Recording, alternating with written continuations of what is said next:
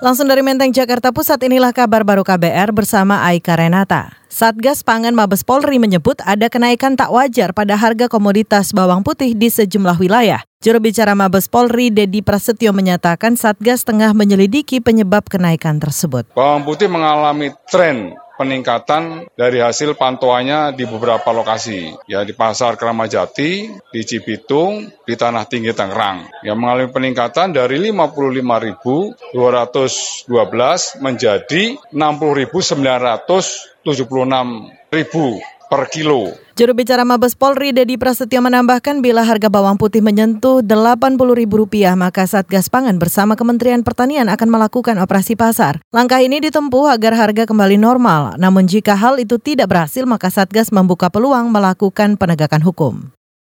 Kita beralih, Saudara Dewan Perwakilan Daerah DPD yakin tidak ada kecurangan dalam sistem penghitungan suara atau situng KPU. Hal ini dinyatakan Ketua Komite 1 DPD Beni Ramdhani usai mengecek langsung server dan situng di kantor KPU hari ini. Beni menampik tudingan situng KPU didesain untuk menguntungkan pihak tertentu. Kami berani mengatakan bahwa kalau ada tuduhan selama ini bahwa sistem perhitungan suara ini disiapkan dan menjadi sistem yang didesain untuk kepentingan pihak tertentu, bisa dikatakan 0% lah dari tuduhan itu. Ketua Komite 1 DPD Beni Ramdhani menambahkan kekeliruan dalam input data di situng murni karena kesalahan manusia. Ia meminta situng tetap dijalankan sembari menunggu hasil rekapitulasi resmi.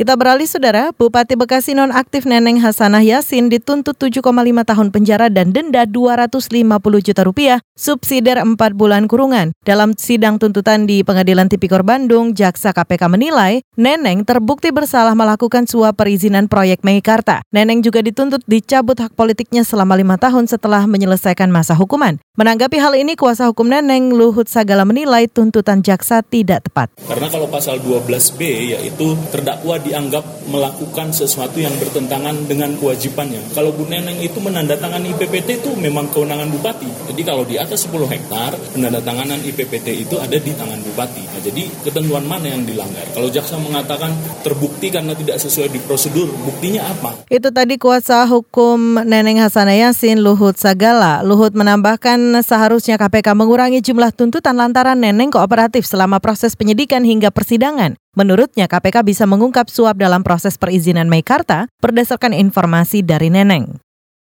Kita menuju informasi lainnya, Saudara Kepolisian Daerah Jawa Tengah menjamin pengamanan selama proses rekapitulasi hingga penetapan hasil pemilu 2019. Laporan selengkapnya bersama kontributor KBR di Solo, Yuda Satriawan. Polda Jawa Tengah memintakan seluruh elemen yang terlibat dalam pemilu menyaksikan pemungutan suara hingga rekapitulasi penghitungan suara yang berlangsung secara transparan dan demokratis. Kapolda Jawa Tengah Riko Amelza usai menggelar pertemuan tertutup di Polresta Solo mengatakan tokoh agama dan tokoh masyarakat juga diajak secara langsung melihat proses tahapan pemilu 2019 tersebut. Riko optimistis dengan kondisi keamanan di Jawa Tengah. Alhamdulillah, 35 kabupaten kota yang ada di Jawa Tengah ya dalam tingkat penghitungan di kabupaten kota semuanya berjalan secara lancar. Semuanya menyaksikan, semuanya melihat, para tokoh juga menyaksikan, tokoh agama, tokoh masyarakat menyaksikan bahwa prosesnya sudah berjalan dengan baik, dengan jujur, dengan transparan, adil dan demokratis.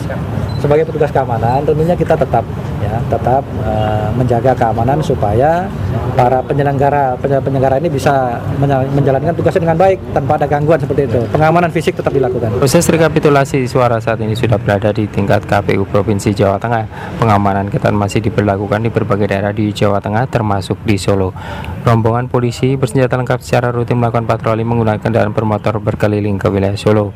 Data KPU Solo menunjukkan pasangan capres nomor urut 01 memperoleh 82,20 23 persen suara pemilih, sedangkan pasangan capres nomor urut 02 mendapat 17,77 persen. Total pemilih yang menggunakan hak suaranya ada 372 ribu dari DPT 421 ribu pemilih. Dari Solo, Jawa Tengah, Yuda Setirawan, KBR. Demikian kabar baru dari kantor Berita Radio KBR, saya Aika Renata.